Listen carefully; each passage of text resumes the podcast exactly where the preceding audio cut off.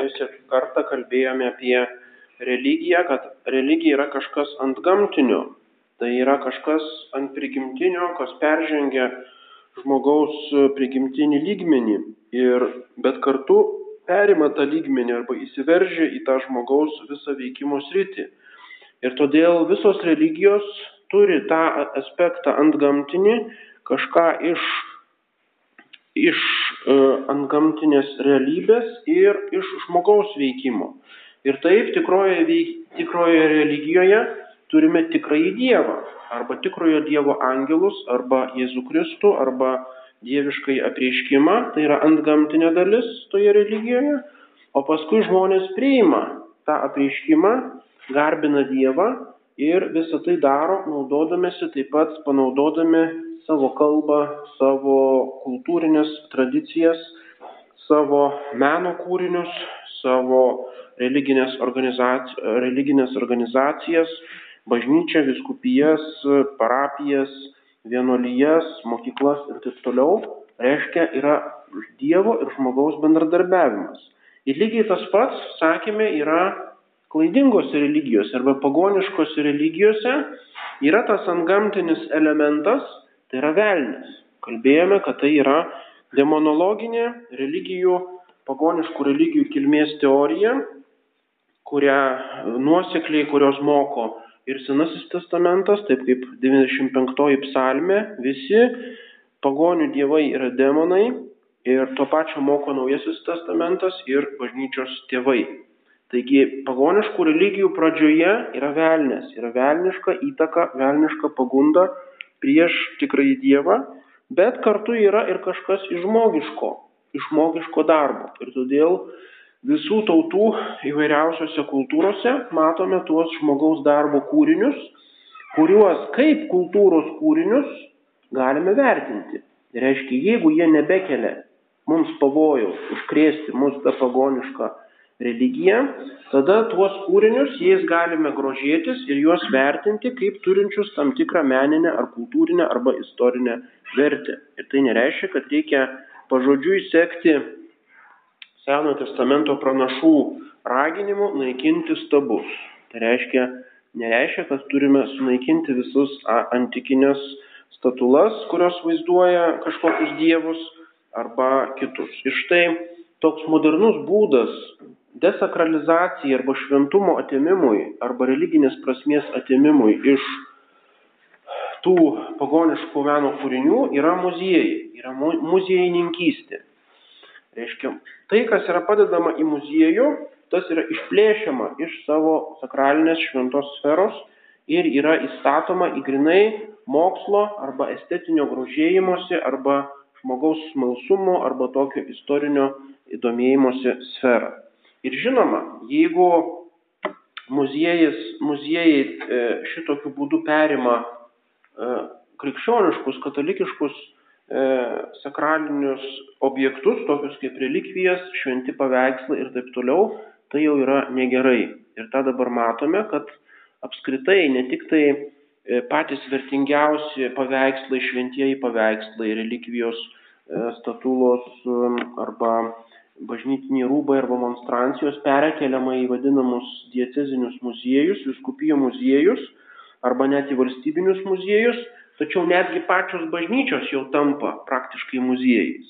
Jau eini į bažnyčią kaip turistas, ant prie paveikslo yra parašyta lentelė, toks dailininkas tą nutapė, e, viso, visą laiką yra kažkoks gidas, kuris pasakoja apie kas nutapė tą paveikslą, kas tą pastatė ir taip toliau. Žinoma, tai nėra blogai, Yra gerai susipažinti su tais meno kūriniais.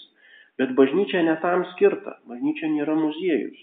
Ir turime suvokti, kad muziejininkystė jinai desakralizuoja, jinai atima šventumą. Ir atima šventumą taip pat ne tik tai iš tų klaidingų religijų, bet ir iš krikščioniškos religijos elementų. Ir tai nėra, tai nėra gerai. Ir tai, kas yra muziejuose, turėtų tarnauti Dievo garbiai. Tie visi bažnytiniai rūbai, indai ir smilkytuvai turėtų tarnauti liturgijai, o ne dulėti kažkur tai muziejui. Žinoma, bažnyčia dabar taip aiškina, kad tie dalykai turi milžinišką vertę, jie yra iš aukso ir sidabro ir turi antikvarinę vertę ir parapija, klebonas neturi galimybių užtikrinti jų apsaugą, taip kaip reikalauja valstybė, kad e, būtų apsauga, signalizacija ir jų niekas nepavoktų. Ir todėl juos visus neša į muziejų, kuris profesionaliai juos saugo. Nu gerai, toks yra, toks yra argumentas, bet, bet tai nėra kažkas gero, kad tie dalykai paverčiami muziejinėmis E, vertybėmis. Ir jeigu tai įžengia į pačią bažnyčią, jeigu pati bažnyčia tampa muziejum, tai galiausiai visa katalikiška religija tampa tokiu muziejiniu eksponatu arba kažkokia tokia, reiškia tokia tradicinė, kultūrinė tradicija, kaip yra UNESCO, yra jungtinių tautų kultūros apsaugos tokia institucija, žinoma, daro daug gerų darbų, bet koks jos yra principas? UNESCO saugo arba materialius daiktus, kokius nors meno kūrinius, miestus, pastatus gražius, paveikslus ir taip toliau, arba vadinamąjį kultūrinį tradicinį paveldą. Tai reiškia, kokia nors gentis turi kokį nors tradicinį šokį, šventę su kokiais nors būgnais ir kaukėmis, tai reiškia tą, kaip šventę, kaip organizacija apsima saugoti UNESCO, reiškia skiria tam tikras lėšas, kad tie žmonės galėtų susirinkti ir, ir švęsti. Ir reiškia jau eina ta kryptim, kad katalikų religijos apėgos, tarkim kažkokios procesijos ar mišios, greitai pasidarys tokios kaip čia buvių kažkokios tai apėgos, kurios jiems saugoti kažkokią UNESCO ar valstybę ar kokią nors, reiškia, turim tą suvokti, kad viena vertus saugojimas yra gerai, bet jeigu valstybė arba pasaulis ima kažką saugoti, tai iš karto tą desakralizuoja ir paverčia savo nusavybę, paverčia savo kažkokiu tai, atima tą tikrą gyvybę. Ir tai yra tik tai vis, visos tos apėgos tradicijos, kurias saugo UNESCO, jau tai yra kaip kultūros vertybės saugojamos ir jos yra komercializuojamos, jos yra turizmo objektas. Reiškia, turistas eina į tai, kas yra E, kas yra saugojama, o jis nebežiūri jau tos sakralinės dvasinės vertės tų dalykų. Ir tai yra didelis pavojus ir praktiškai link to einama taip pat krikščionių religijoje. Ir turim suvokti, kad tai yra didžiulis, didžiulis pavojus. Taigi žmogus yra animal religiozus, yra religinis gyvūnas. Taigi jis iš savo pačios prigimties, racionalios prigimties, turėdamas protą, savo protų jau siekia pir, ieško pirmosios priežasties. Jo valia siekia gėrio ir taip pat to viso gėrio pirmos, pirmojo principo arba paties gėrio, kuris yra Dievas. Taigi žmogus turi sąžinę, ieško to gėrio. Jo kūniška ir bendruomeninė prigimtis spontaniškai išreiškia to Dievo paiešką ir Dievo, dievo kultą įvairi, įvairiomis pamaldomis, maldomis, taip pat e, e, bendruomeniniu religiniu gyvenimu. Tai yra žmonės būrėsi į religinę, religinės bendruomenės. Visą tai rodo, kad žmogus savo prigimtimi e, linkęs į religiją ir natūraliai priima Dievo apreiškimą, Dievo malonę ir dieviškai kultą.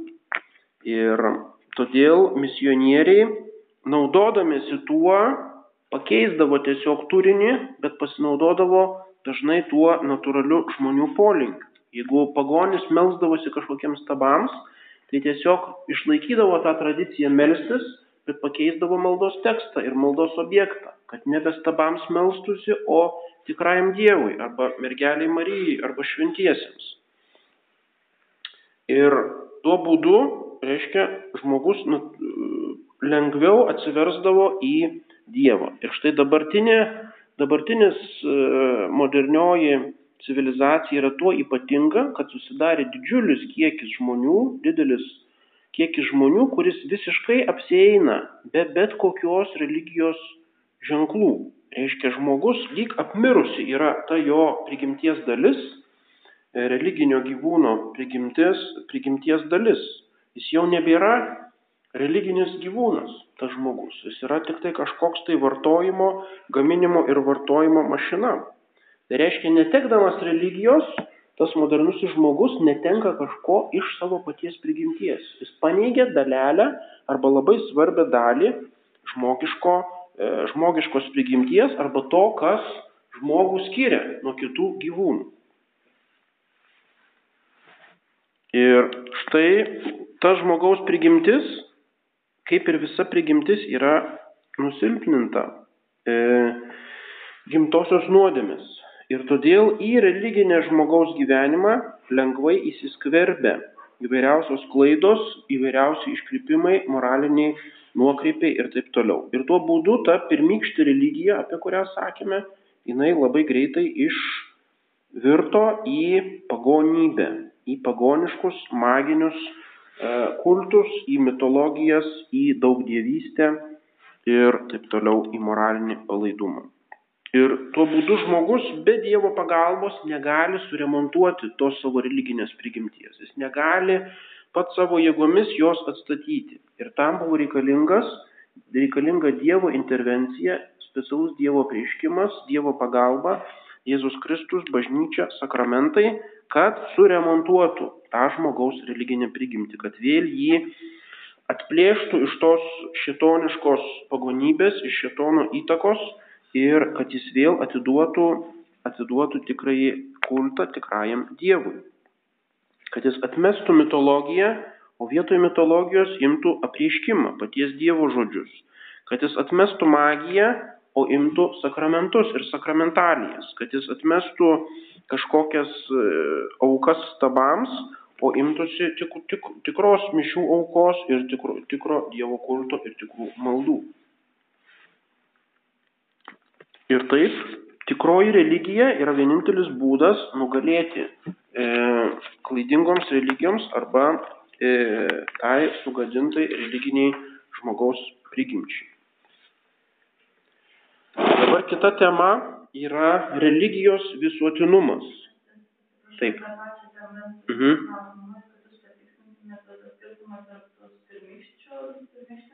religijos ir pagonybės. Man anksčiau atrodė tapatus.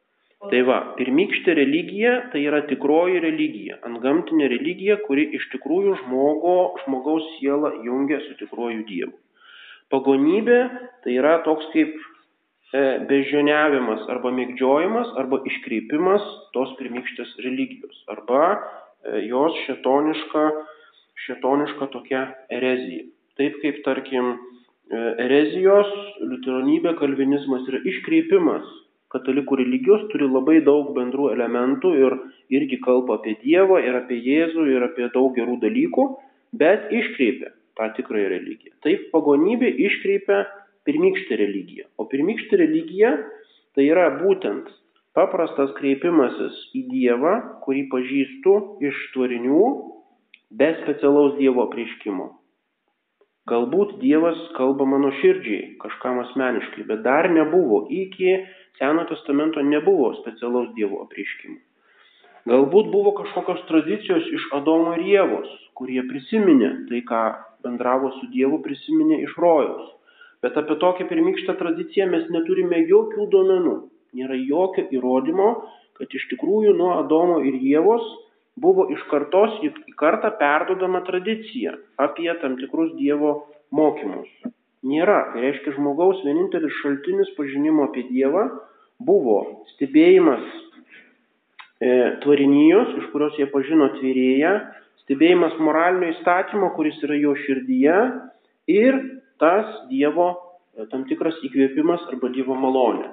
Toliau, pirmykštė religija turėjo tam tikrą kultą, tai yra auka. Auka yra pats esmingiausias svarbiausias e, kulto elementas. Tai yra kažką žmogus iš to, kas jam yra brangu, skiria Dievui, dedikuoja Dievui, o jeigu tai yra deginamoji auka, tai reiškia visiškai sunaikina ir per sunaikinimą perdoda Dievui. Ir apie tai skaitome Senajame testamente, kaip tie patriarchai, tie e, Nojus arba kiti Juk nebuvo jokios bažnyčios, nebuvo jokių a, liturginių knygų ar ko nors. Tiesiog šeimos tėvas yra kunigas. Ir šeimos tėvas aukoja tai, ką turi brangiausia. Savo gyvūnus, savo o, kokius nors pir, pirmienas, pirmuosius derliaus vaisius ar ką nors. Ir va tokia auka, arba tarkim vyną, prieš gerdami vyną, puotos metu nulieja to vyno, nuliejimas. Tai yra auka, reiškia kažką tai atiduoda Dievui. Paskui yra malda. Žmogus yra animal religiozus, yra natūraliai religingas, jis natūraliai nori šnekėtis su aukščiausia būtybė. Reiškia, spontaniškai ima melstis. Jis meldžiasi Dievui taip, kaip jį pažįsta dėka Dievo malonės. Ir štai jeigu jis nesuteršia viso to magija, nesuteršia daug dievystę, nesuteršia mitologiją, kuris sukuria daugybę keistų dievų su jų istorijomis, nesuteršia žmonių aukomis kažkokiamis, kurios yra nemoralios, nesuteršia kažkokiais, kažkokiais papročiais, kurie prieštarauja prigimčiai, tada jisai būtent atlieka tos pirmykštės religijos aktus. Bet pirmykštė religija nėra kaip bažnyčia. Reiškia, nebuvo įsteigta tokia kaip bažnytinė organizacija, turinti e, savo hierarchiją, turinti mokymo autoritetą, turinti liturgijos e, sutvarkytas ir liturginės apeigas ir taip toliau. Ir todėl tos pirmykštės religijos žmonės, jie tiesiog buvo išblaškyti, išbarstyti pasaulyje tiek kiek žmonių, tiek kiek e, tautelių ir tautų, tiek buvo formų tos pirmykštės religijos. Ir todėl dabar, jeigu mes tyriame istoriją arba etnografiją ar kur nors, mes jos negalim apčiuopiamai sugauti. Va čia sakyt, va, iki XIX amžiaus toje gentyje matome pirmykštį religiją. Nėra tokių dalykų, kadangi velnės pasinaudodamas sugadintą žmogaus prigimtim iš karto pakeitė šitą į pagonybę. Ir todėl pirmykštė religija galėjo tik tai kažkokio ypatingo Dievo stebuklo intervencijos būdu išsilaikyti ilgesnį laiką. O paprastai visi tie žmonės tapo pagonimis dėja. Ir vienas kitas teisusis.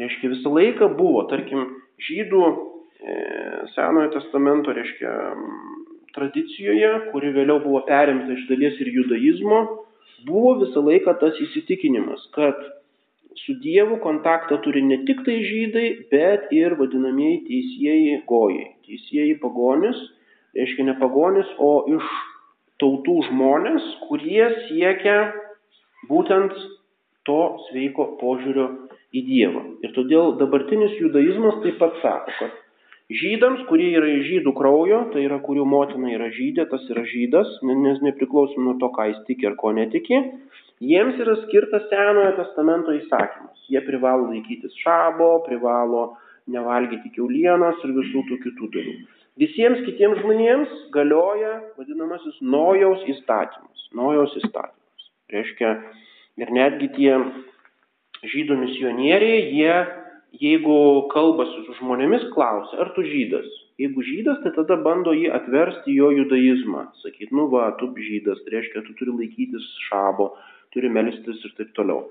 O jeigu tu nežydas, tai tada tu turi laikytis nojaus įstatymo. Reiškia, turi nepaleistuvaus, turi nevokti, tai yra dekalogas. Tai yra natūralus prigimtinis įstatymas ir reiškia, kas yra žmogaus sveikoje prigimtyje.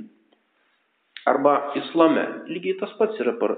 Islamas e, perėmė iš dalies tą tradiciją ir jie moko, kad visi žmonės yra natūraliai musulmonai nuo Adomo ir Ievos, jie buvo pirmieji musulmonai iki Muhamedo dar laikų. Ir reiškia, musulmonas tai yra tiesiog žmogus, kuris tą turi pirmykštį religiją, kuris natūraliai garbina vieną dievą ir tiesiog jam lenkėsi.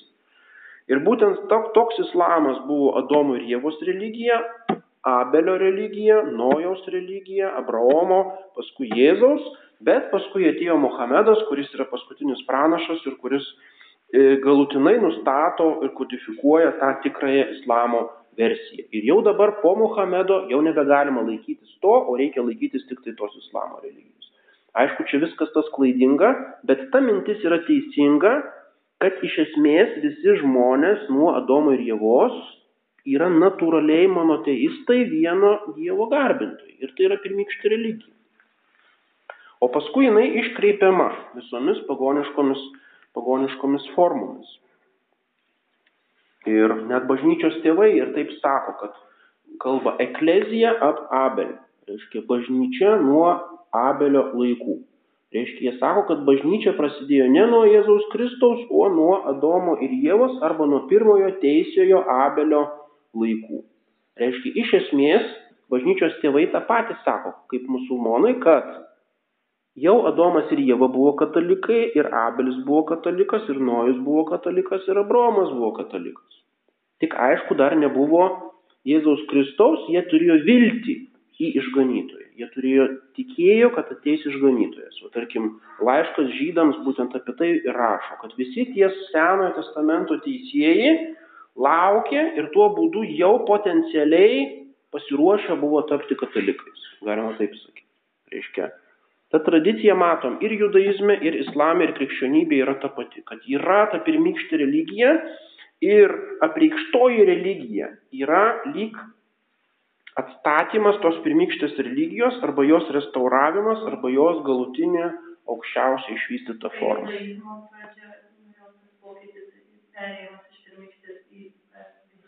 Tai čia galima sakyti Mozė yra. Nors Abromas jau irgi yra kaip protėvis, bet jis dar nebuvo, galima sakyti, nes nebuvo dar suformuluotos tos e, Senojo testamento religijos. Tai yra Mozė. Mozės apreiškimas ant Sinajaus kalno tai yra Senojo testamento e, bažnyčios, galima sakyti, pradžia.